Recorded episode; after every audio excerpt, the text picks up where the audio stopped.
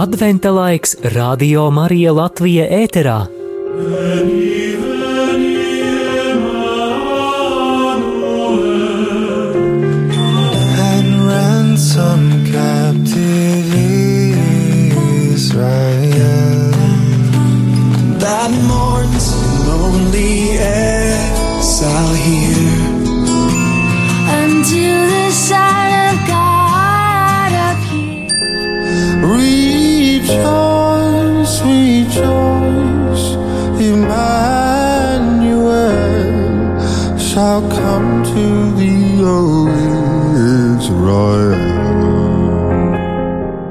Vēro kā aug jēzus koks.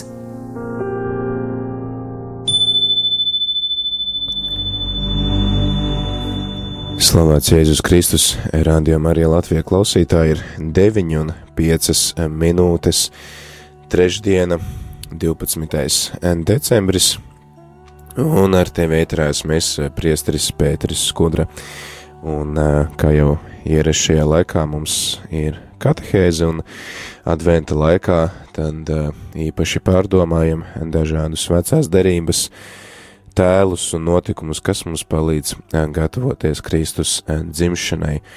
Un eh, šīs dienas simbols, šīs dienas tēls mums ir divas akmens plāksnes.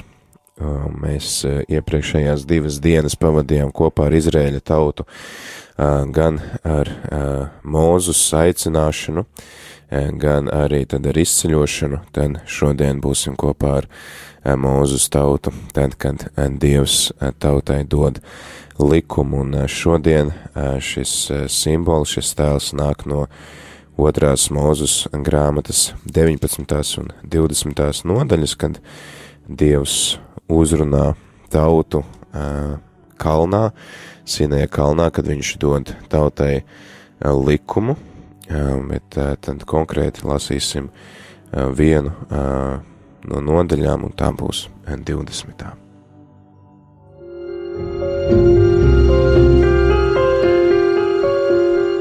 Ieklausāmies Dieva vārdā.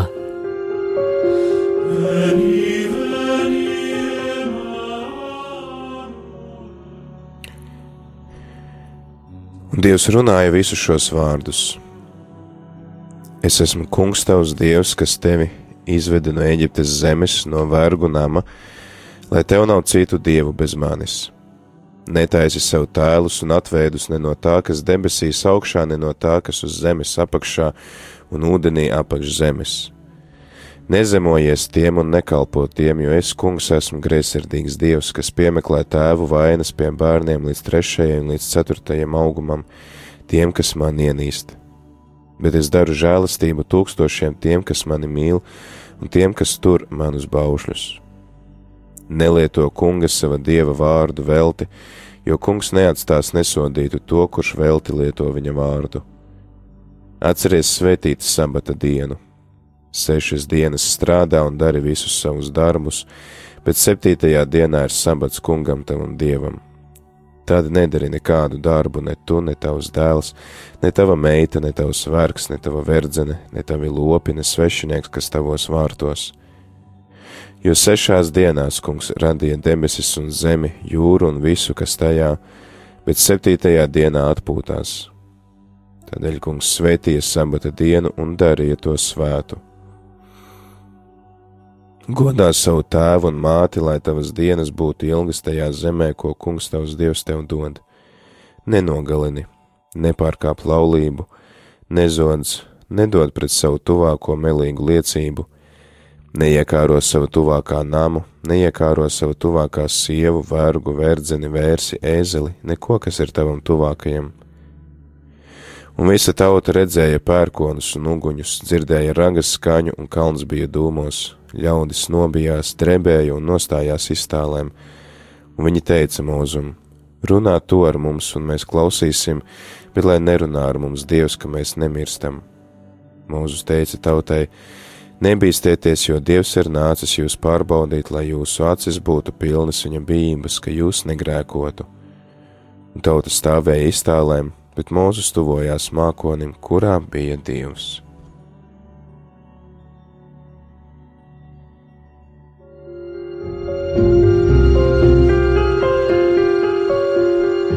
Advents Radio Marija ēterā. and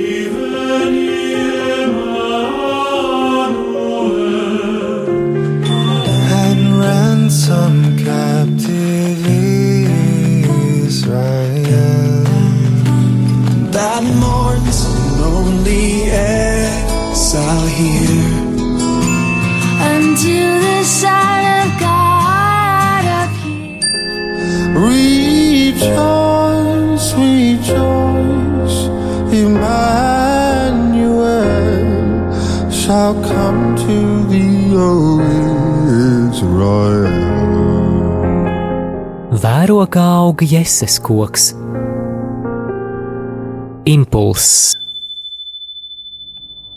Un tad arī tagad eh, noklausīsimies eh, šīs dienas impulsus, ko sagatavojuši mūsu brīvprātīgie, un ko arī tu klausītāji vari eh, saņemt savā e-pastā. Un, ja gadījumā tu vairs, tev šķiet, ka tu vairs nesaņem savā e-pastā šo impulsu, tad noteikti arī pārbaudi citus pastus, gan abonētos, gan mēstules un citu, jo var gadīties, ka šie e-pasti, ko izsūta vairākiem reizē, neaiziet uz tavu inboxu, bet uz kādu citu sadaļu. Tā kā noteikti, ka arī šodien tu esi saņēmis šo impulsu, bet ja tu vēl neesi tam pieteicies, tu vari paspēt pieteikties e-pastam, apmeklē mūsu mājaslapu rml.lv un tur tu noteikti to atradīsi, kā var pieteikties šiem ikdienas adventu impulsiem.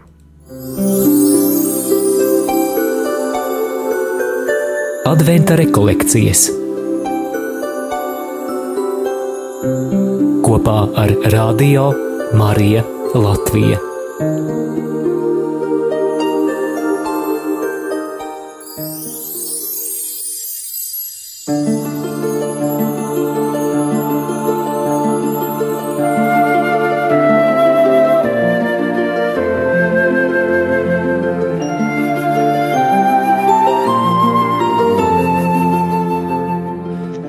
Svētajos rakstos mēs lasām, ka tieši Mūzus saņēma no dieva likumu, kuru viņš un visa izvēlētā tauta apņēmās savā dzīvē pildīt, lai tādā veidā šis dieva likums viņos, viņu bērnos un mazbērnos varētu iesakņoties un nestu paliekošus svētuma augļus. Tātad piedarība pie izvēlētās dieva tautas pirmām kārtām nozīmēja vēlmi izpildīt dieva likumus un pavēles. Diemžēl vecajā derībā mēs lasīsim par to, ka Dievs caur praviešiem vēlāk pārmetīs izvēlētai tautai, ka daudzi no viņiem dieva likumu ir aizmirsuši un to vairs nepilda.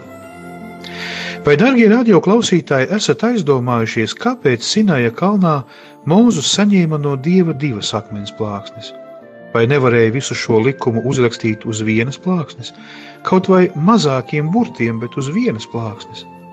Nesot vienu plāksni mūzum, taču būtu bijis daudz vieglāk kāpt lejā no kalna. Vispirms panestu plāksni vienā rokā, tad pārlikt otrā. Tad kāpēc bija divas plāksnes, nevis viena? Tradīcija stāsta, ka uz pirmās plāksnes bija pierakstīti pirmie trīs baušļi, uz otrās no 4. līdz 10. bauslim.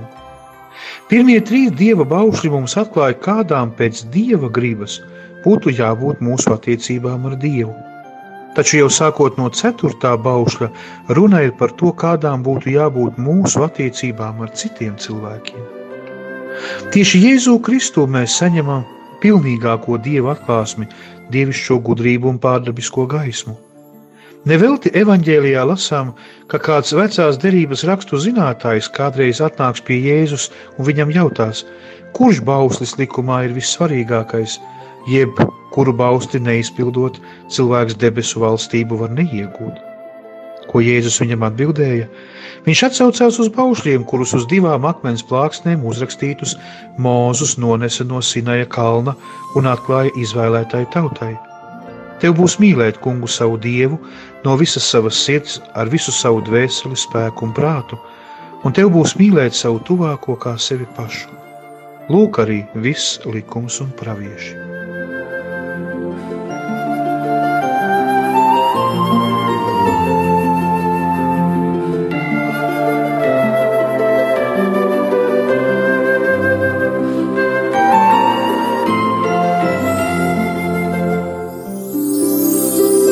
Piemērs no dzīves.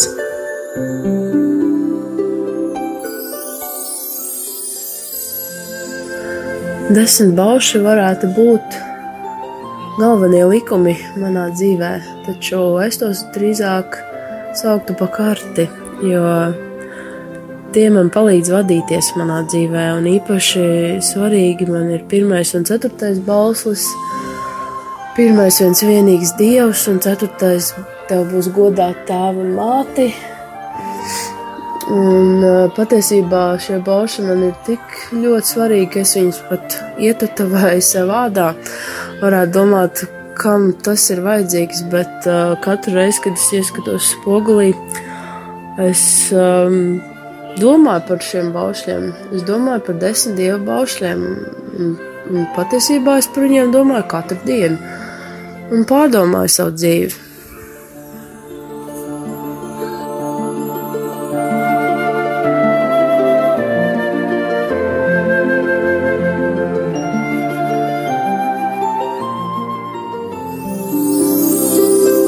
Es varu izdarīt šodien?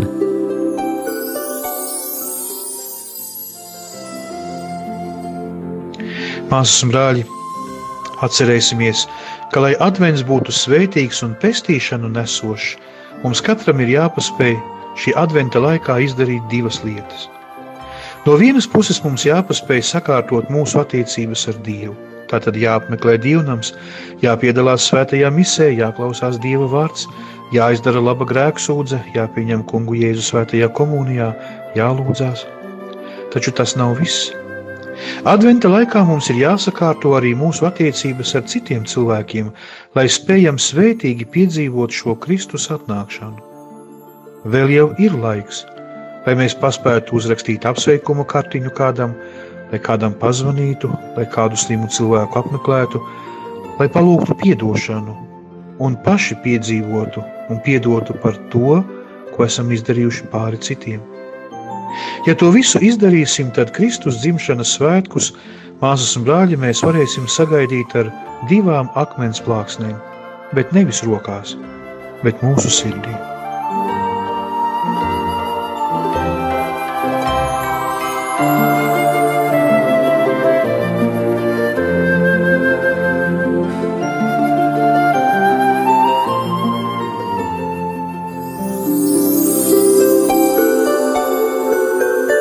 Adventa rekolekcijas kopā ar Radio Mariju Latviju.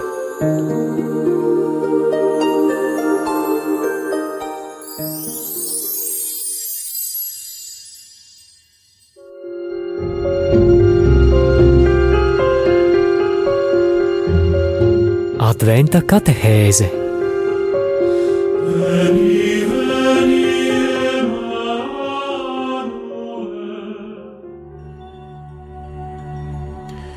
ir 9 un 18 minūtes, trešdienā, 12. decembrī ar tevi ēterās mēs priesteris Pēteris Skudra un nu pat arī dzirdējām šīs dienas tādu pamudinājumu no mūsu brīvprātīgajiem, un tas ir tēvs Benedikts, ā, Marijāņa tēvs un arī tad Inese, kura kopā ar savām meitām tad taisa arī vizuālo noformējumu mūsu ā, kokam, par ko arī liels, liels viņiem paldies par šo ieguldīto laiku un darbu tam, lai rādījuma arī ēterā un arī sociālajos portālos mājaslapā varētu šo jēzus koku arī veidot, un tas varētu nonākt arī pie tevis klausītāji tavā ēpastā, un šodien tad mūsu simbols un tēls ir divas plāksnes, divas akmens plāksnes, kas tātad nāk no izceļošanas grāmatas 20. nodaļas, Vispār jau šis stāsts sākās jau 19. nodaļā, kad izrēlieši nonāk pie Sīnaja kalna, un Mūzus viņam, nu, var teikt, Dievs viņam bija devis tādu zīmi, viņš teica, ka tad, kad mēs lasījām viņa aicināšanu trešajā nodaļā, ka uh, tam, uh, ka es būšu ar tevi, es tev došu par zīmi to, ka jūs ar visu tautu uh, mani pielūksiet šeit, šajā kalnā, šajā svētajā vietā. Un uh, te var domāt, ka nu, Mūzus misija arī beidzās, jo viņš ir atvedis tautu atpakaļ uz Sīnie kalnu, un uh, tauta viņu tur arī pielūdz. Un, uh, kas arī ir interesanti, ka Mūzus viņš kāpj šajā kalnā pie Dieva, lai runātu ar Dievu, un tad arī Dievs saka, jūs redzējāt, ko es darīju eģiptiešiem, ka es jūs nesu uz ērgļu spārniem un atvedu pie sevis. Un tagad, ja jūs man klausīt, klausīsiet un turēsiet manu derību, tad no visām tautām jūs būsiet mans īpašums, jo mana ir visa zeme. Jūs man būsiet priesteru valsts un svēta tauta, uz ko tauta atbild, mēs darīsim visu, ko kungs ir teicis. Un tad Mūzus pēc tam dodas atpakaļ pie Dieva kalnā, lai paziņotu šos vārdus, un mēs redzam to, ka cik būtiski un svarīgi ir šī mūzus tāda vidutāja loma, starpnieka loma, ka arī mēs lasījām šajā 20. nodaļā, ka tad, kad Dievs runāja uz tautu, tas izskatījās tik briesmīgi, tauta bija nobijusies, viņa teica, runā to ar mums un mēs klausīsim, bet lai nerunā ar mums Dievs, ka mēs nemirstam. Tātad šī dieva klātbūtne ir uzsvērta šī dieva varenība un pārākums pār cilvēku, un to, cik cilvēks ir mazs un tāds uh, nu, niecīgs dieva, dieva priekšā. Uh, tad arī šīs dieva atklāšanās sauc par, uh, sauc par teofānijām. Teofānijas, tāds grieķu vārds, kas nozīmē dieva atklāšanās. Un, cilvēks, viņš apzinās to, ka viņš nevar uzlūkot Dievu vaigu vaigā, ņemot vērā to, ka Dievs ir tik, tik varens, tik pārāks pār cilvēku. Tas arī vairākās rakstu vietās parādās, ka cilvēks saka, ka ja viņš būtu pilnībā Dieva klātbūtnē, viņš nomirtu, viņš nevarētu pastāvēt, jo viņš apzinās savu ierobežotību, arī savu grēcīgumu, un uh, Tāpēc arī cilvēkiem bija jāšķīstās, kad viņi tuvojās Dievam.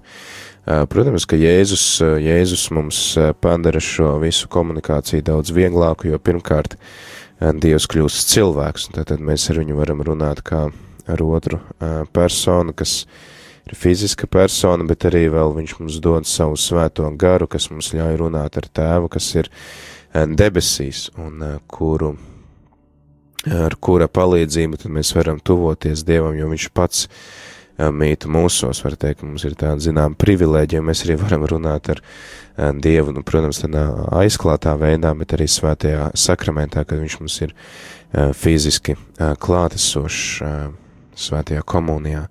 Tāpēc arī, piemēram, adorācija mums katoļiem ir tik ļoti svarīga, tik ļoti būtiska, jo mēs varam būt fiziski blakus ar uh, pašu Kristu, un, ja tev klausītāji gribās arī izdarīt kaut ko labu līdz, līdz Ziemassvētkiem, iesaku tad arī pamēģināt adorāciju.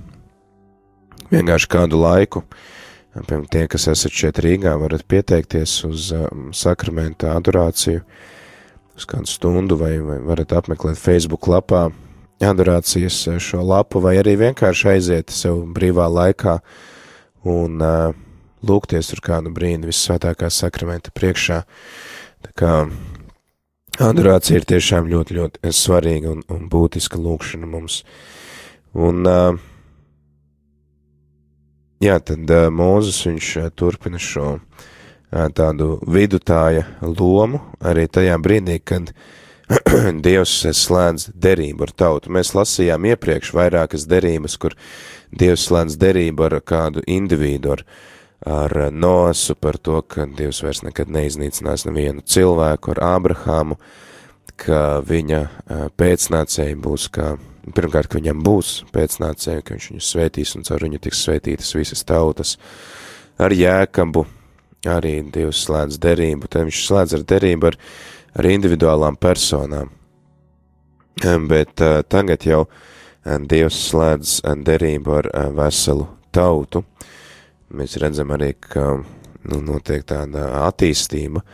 Vēlāk Dievs derību slēgs ar ikvienu cilvēku, respektīvi tas ir Kristus, kurš nodibina šo jauno derību un kura tiek dāvāta ik vienam, kas to vēlās neatkarīgi pēc nacionālās pieredzes, uh, piederības, atvainojos, pēc kādas kultūras piederības.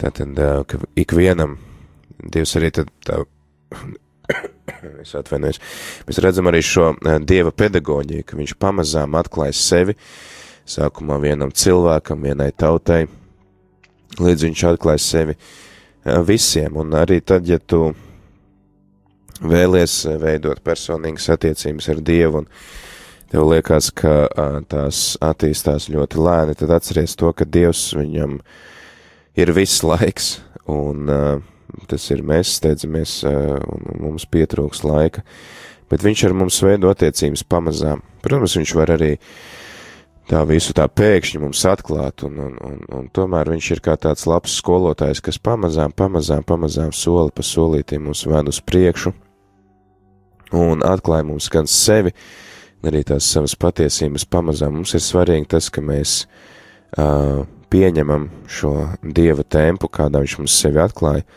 un izrādām no savas puses sevi no šo ilgošanos. Jo arī mēs, mēs vēlreiz pārlasītu to 19. nodaļas fragmentu, ka tātad Dievs slēdzot derību ar tautu, viņš atgādina, ka viņš ir tas, kas izveda tautu no Eģiptes zemes, un kas tautu ir nesis uz ērgļa spārniem un atvedis pie sevis, un tad, tad tā atbilde, ko viņš sagaida no tautas, ir, lai tauta klausītu, klausītu un turētu uh, manu derību. Tad no visām tautām jūs būsiet mans īpašums, jo mana ir visa zeme, un man būsiet priesteru valsts un svēta tauta. Tad, arī tiek izvirzīti kaut kādi nosacījumi, uz kuriem tauta atbild jā ar lielāko prieku. Protams, mēs vēlāk redzēsim, cik grūti tautai gāja ar šo savu solījumu turēšanu. Tad arī, kā arī iepriekš jau bijām runājuši pie, pie Noasa, ka derība ir vienošanās, kas noslēgta starp divām pusēm un apstiprināta ar zvērestu. Un tad arī antīkajā kultūrā šādi derība, šāda vienošanās tika noslēgta gan starp cilvēkiem, starp dažādām ļaužu grupām, pat valstīm un arī valdniekiem viņa padotajiem, un šeit tad tas notiek starp dievu un cilvēkiem, kuru šo derību tad arī raksturo vārdi klausīties, kalpot, būt paklausīgam.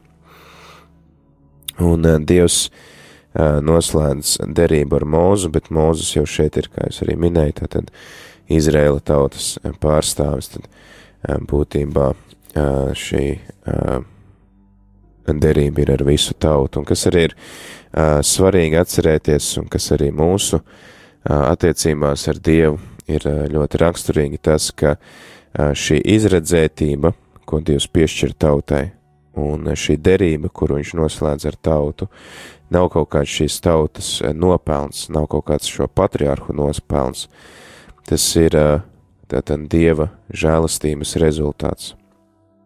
Nevis, ka mēs to izlūdzam, tāpat tās arī tā mūsu, mūsu izredzētība, tas, ka mēs varam pazīt Dievu, ka mēs varam ar viņu veidot attiecības, ka mēs varam būt kristieši, ka mēs varam saņemt kristības sakramentu, tā arī ir Dieva dāvana. Tas nav kaut kas pašsaprotams, tas nav kaut kas tāds, ko mēs esam nopelnījuši bet tas ir kaut kas tāds, ko Dievs mums dāvā bez maksas par brīvu. Viņš vienkārši aicina, viņš piedāvā, un mūsu rokās tad ir iespēja to pieņemt vai noraidīt. Un tāpēc arī mums ir jālūdz Dievam žēlastība, lai mēs vienmēr izvēlētos pieņemt šo Dieva žēlastību, šo Dieva izredzētību, ka Viņš mani izvēl kā īpašu, viņam īpašu veltītu tautu. Kā viņam īpašu bērnu. Tas, jā, tas ir kaut kas tāds, ko mēs nopelnām. Mums, kristiešiem, to ir svarīgi atcerēties. Mēs arī kā kristieši varbūt nu, noslēdzamies no pārējās sabiedrības, un mēs raugāmies pārējo sabiedrību varbūt nu, tā no augšas, Jā, ka lūk, mēs te kristīgo vērtību turētāji, un te tur ir pārējie, jā, bet tā mēs nedrīkstam raudzīties. Pārējie. Uh, ir tādi paši uh, cilvēki kā mēs, kuri arī ir uh, potenciāli spējīgi pieņemt uh, šo kristību, šo pestīšanu, uh, un uh, kuriem, pie kuriem mums ir jāiet un kuriem mums ir jādara klātesošu dieva klātbūtni un dieva mīlestību, kuru viņš arī tad mums katram dāvā bez nosacījuma, lai kur mēs arī būtu. Jā, arī pie Ādama Dievs vēršās tad, kad Ādams ir sagrēkojis, un Dievs saka, kur tu esi, Ādam? Un, un tāpat arī pie ķēniņa Dāvida, kad Dāvids ir sagrēkojis, Dievs vēršās pie viņa, un, un viņš saka viņam nožēlojā. Tāpat arī pie galu galā Jēzus upuris arī tiek salikts par katru no mums, mēs to nenopelnījām. Mums tas tika dāvāts avansā. Ja, es esmu gatavs nākt pie jums visiem un arī andot savu dzīvību par jums visiem. Jautājums ir, vai tu pieņem šo avansu vai nē, un tāpat arī pārējie cilvēki, kas vēl nav baznīcā, viņi varbūt Dievs gaida, kad viņš varēs caur tevi ar tavu palīdzību šiem cimtlat cilvēkiem nākt tālāk ar tavu laipnību. Ar arī tad, kad mēs redzam, piemēram, Jēzus dzīves laikā, ja viņš nesēžās pie viena galda ar, ar muitniekiem, prostitūtām, ar cilvēkiem, ar kurus sabiedrība tajā laikā nosoda, viņš nesēžās pie, viņiem, pie viena galda ar noteikumu, ka es sēdīšos pie jums pie viena galda, tad, ja jūs nožēlosiet visus savus grēkus. Nē, viņš aiziet pie Zaheja, viņš saka, Zaheja, man pie tevis ir jāiet tur maltīt, es vēlos kopā ar tevi ēst. Jau mēs arī iepriekš jau runājām, ka šī maltīte pie viena galda apzīmē draudzību, uzticēšanos, pat tādas ģimenes saites. Un pēc šīs maltītes tad Zahejs, viņš saka, zini ko, es, es esmu nolēmis mainīt savu dzīvi, tātad šī žēlastība nāk vispirms, Jēzus nāk pie mums vispirms, un tad mēs atsaucamies viņa žēlastībai. Un arī tā ir žēlastība klausītāji, ka tev ir izdevies atsaukties šim viņa aicinājumam, un tad tavs pienākums arī lūgties par pārējiem, kuriem vēl nav izdevies to izdarīt, kuri, um, kuriem ir arī kaut kāda šķēršļa to izdarīt. Tāpēc uh, mums uh, šī nu, dieva iniciatīva ir aicinājums būt tādiem pazemīgiem, ka tas nav mūsu nopelns, ka mēs esam kristieši, un tas nav mūsu nopelns, ka mēs zinām šos baušļus, tas nav mūsu nopelns, ka mēs viņus varam pildīt un ievērot un iemantot mūžīgo dzīvi, jo tas viss mums ir dāvāts kā Dieva žēlastība, kā Dieva dāvana, un mēs esam aicināti šīs žēlastības dalīt tālāk, būt žēlsirdīgi arī pret citiem, un tāpat arī to darīt avansā, nevis tāpēc, ka mums kāds kaut ko labu ir izdarījis. Tagad uh, dziesma ar kādiem jūdiem ļoti svarīgiem vārdiem, un pēc tam turpināsim šo katehēzi.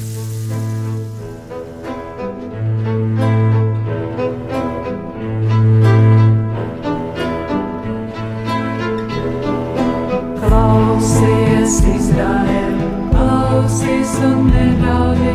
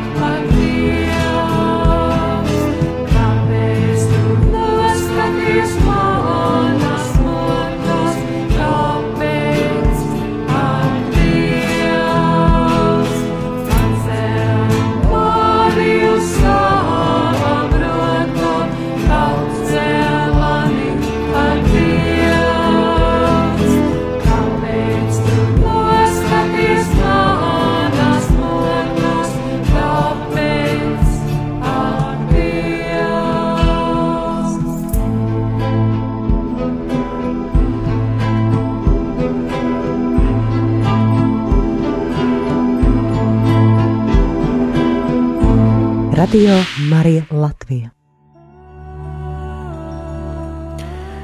Rādījumā arī Latvijā ēterā turpinam ar rīta katehēzi, un šodien mūsu adventa rekolekcijas simbols ir divas akmens bās, plāksnes, tātad desmit dieva baušļi. Iepriekš runājām par šo derības noslēgšanu, par to, ka baušļi tiek dāvāti šajā izceļošanas kontekstā, Un ka Dievs eh, bez maksas dāvā šo, gan šo izceļošanu, gan arī viņš piedāvā šo derību, tātad veidot attiecības ar viņu uh, personīgi, uh, uh, un uh, personīgas, tātad personīgi šīs attiecības ar katru no mums, un uh, arī desmit baušļi, ja mēs pārakst, pārlasītu uh, otrās mūsu grāmatas 20. nodaļu, un intereses pēc varam pārlasīt paralēli arī uh, atkārtotā likuma grāmatas, piektās mūzes grāmatas piekto nodaļu, kur abās šajās nodaļās tiek dots likums, tad tas pirmais uzsvars, kad Dievs dod likumu, viņš saka, es esmu kungs tavs Dievs, kas tevi izveda no Eģiptes zemes, no vergu nama. Un tad tiek doti baušļi. Um, Te arī uh, katehismā mēs varam pārlasīt uh, pie baušļiem šo ievadu, ka tas, ko Mūzus uh, mums atklāja, un tas, ko šie desmit baušļi mums atklāja, ka Dievs mums neuzliek kaut kādus likumus, lai mūs ierobežotu, lai apgrūtinātu mums dzīvi, bet gan, lai atgādinātu to, ka Viņš vēlās mūsu brīvību, Ja, jo uh, mo, uh, Dievs sūtīja mūzu pie apspiestas uh, vergu tautas, un uh, tad, kad šī tauta bija pārgājusi sarkanai jūrē un iz, izglābusies no Ēģiptes zemes, joprojām šī kaut kāda tāda vergu mentalitāte bija saglabājusies, un patiesībā bija vajadzīgi 40 gadi, lai šī vergu mentalitāte mainītos, bet tad arī kā tas, ko mums atklāja šī rakstu vieta, ir tas, ka brīvība nenozīmē tikai uh, atbrīvošanu no kaut kādiem pāridarījumiem, spaidiem, bet brīvība nozīmē uh, darīt visu, kas, uh, tad tas ne, nenozīmē darīt visu, kas patīk, jo tad atkal mēs esam, nu, pakļauti savām iekārēm, iegribām, bet ka brīvība ir iespēja izdarīt tādas izvēles, kurās izpaužās labais. Un uh, brīvība nozīmē apzināties savu identitāti un rīkoties saskaņā ar savu identitāti. Jūdu tautas gadījumā arī šī tauta, kas, kas bija vergu tauta un, un kas bija vienmēr pakļauta, šo identitāti arī, nu, var teikt, stiprina tas, ka viņiem ir tāda kā sava konstitūcija, savs likums, kas regulē šo kolektīvo un arī individuālo dzīvi. Mums Latvijā arī ir sava konstitūcija, kas arī regulē latviešu gan mūsu dzīvi kopumā, gan arī katru mūsu individuāli, to mēs saucam par satversmi. Iesaku arī pārlasīt šo likumu īstenībā. Nav nemaz tik, tik garš šis, šis satversmes likums, tāds pats pats pamats, no kur izriet visi pārējie likumi. Un mums kristiešiem arī dekalogs desmit baušļi var būt kā tāds identitātes viens no uh, veidotājiem, ka arī tas ir mūsu kā dieva tautas nu, satversmes likums, konstitūcija, kas nosaka, kā mums rīkoties, kā, kas ir tie principi, pēc kuriem mēs varam izvēlēties labo. Tātad šie likumi mums nav doti, lai mūs ierobežotu, bet šie likumi mums ir doti, lai mēs spēlētu pēc vienotiem spēles principiem, un tad tā dzīve varētu iet uz priekšu tāda dinamiska un, un kvalitatīva. Līdzīgi, nu, varbūt tāds banāls salīdzinājums no manas puses, ko es izmantoju vienmēr, bet mēs arī, nu, piemēram, latvieši fanojam par hokeju ļoti. Jā, un hokeja arī mēs nevaram teikt uh, spēlētājiem spēlējiet kā gribiet, vai, vai vienojieties par spēles noteikumiem uh, tur pirms spēles uz laukumiem vai, vai, vai spēles gaitā. Tad spēle kļūst nebaudāma. Kamēr, kamēr vienojās par tiem notikumiem, tad bieži vien, noteikumiem, bieži vien tad noteikumu skaidrošana aizņem vairāk laikas nekā, laika nekā spēlēšanā. Varam iedomāties kaut vai jebkuru spēli, kuru spēlējam pagalmos, un tad, kad pagalmi satiekās savā starpā, tad ir ķīviņi par to, tad kā pareizi to spēli spēlēt, jo katrā pagalmā savi noteikumi. Jā, bet tātad Dievs mums dod šos noteikumus, kas mums tad arī iedod tās robežas, noliek tās vadlīnijas, kā spēlējot šo spēli, vai kā nu, tad attiecīgi paralēli, kā dzīvojot šo dzīvi, mēs varam uh, to darīt kvalitatīvi, mēs to varam darīt aizraujoši. Arī hokeja, kad ir nolikti šie stingri noteikumi, kurus spēlētāji ievēro, tad arī spēle. Visi zina, kas notiks, visi zina, kā šī spēle tiks spēlēta, zina, ko gaidīt no šīs spēles, zina to dinamiku, un, un protams, ka tad arī ir ārkārtīgi interesanti. Bet, ja nav nekāda noteikumi, katrs spēlē par sevi, nu, tad ir tāds liels hauss, liels bardaks laukumā. Un tāpat arī ar, jā, ar desmit baušļiem un ar mūsu dzīvi šie baušļi mums ir doti nevis tāpēc, lai mūs kaut kā ierobežotu, bet lai dotu mums iespēju uh, spēlēt uh, pēc noteikumiem un izvēlēties labo, ka mēs paši to varam izdarīt. Mums tiek iedots vadlīnijas, principi, pēc kuriem tad to labo mēs varam uh, atklāt un izvēlēties un arī palikt pie tā, palikt uzticīgiem, labajiem. Un, jā, tad arī mums jau šajā sākotnējā impulsā tēvs Benedikts, viņš runāja par to, ka tā tad ir divas šīs akmens plāksnes, viena akmens plāksne, pirmie trīs baušļi, kas runā par mūsu attiecībām ar Dievu un to, ka Dievs ir mūsu uh, prioritāte numur viens un ka viņam nu, nepatīk, ka mēs uh, meklējam kādus citus dievus, kuru vispār nav, kas kļūst par mūsu alkiem, ka viņš ir vienīgais dievs, kas mūs var izvest uh, no jebkādas nebrīvas, un viņš ir vienīgais dievs, kas var patiešām parūpēties par mums, un tad arī viņu vienu mēs esam aicināti godāt un veidot attiecības ar viņu vienu.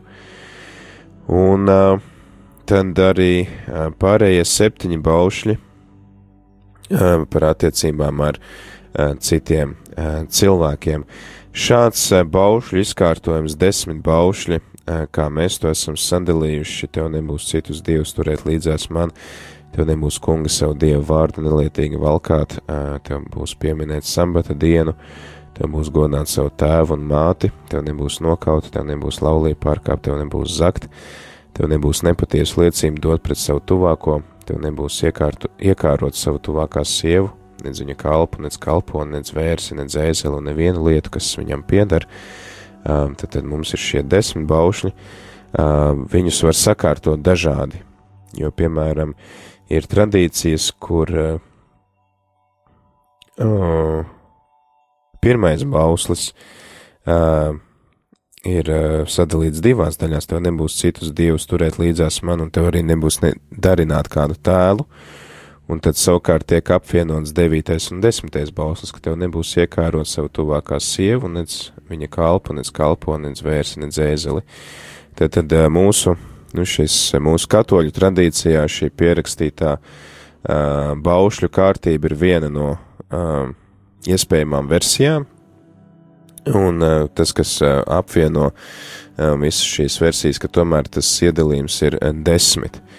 Tāpēc arī to sauc par dekalogu, desmit vārdi. Un,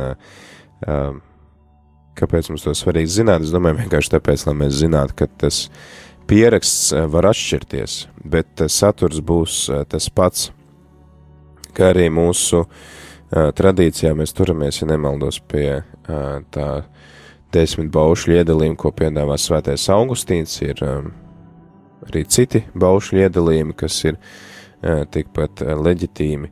Uh, vienkārši ir uh, dažādi šie uzsvari, bet tad, tad uh, paliek joprojām svarīgi tas, ka šis uh, likums, uh, šiem baušļi uh, regulē mūsu attiecības ar Dievu un ar citiem cilvēkiem. Un tad arī iesaku tev, klausītājs, šodien šajā dienā pārlasīt uh, šos baušļus un ieklausīties tajā, ko Dievs tev saka, varbūt arī pārlasīt tos uh, uh, notikumus, kas norisinās Sīnē kalnā gan 19. gan 20. pantā un, un sekojošos pantos par to, kā Dievs slēdz derību ar tautu un kā viņš to dara brīvi, dāvājot sevi un tad arī atceries, ka tev uh, Dievs dāvās sevi, tā ir viņa žēlastība, um, bez maksas tev dāvāt un jautājums, kā tad tu šai žēlastībai atsaucies.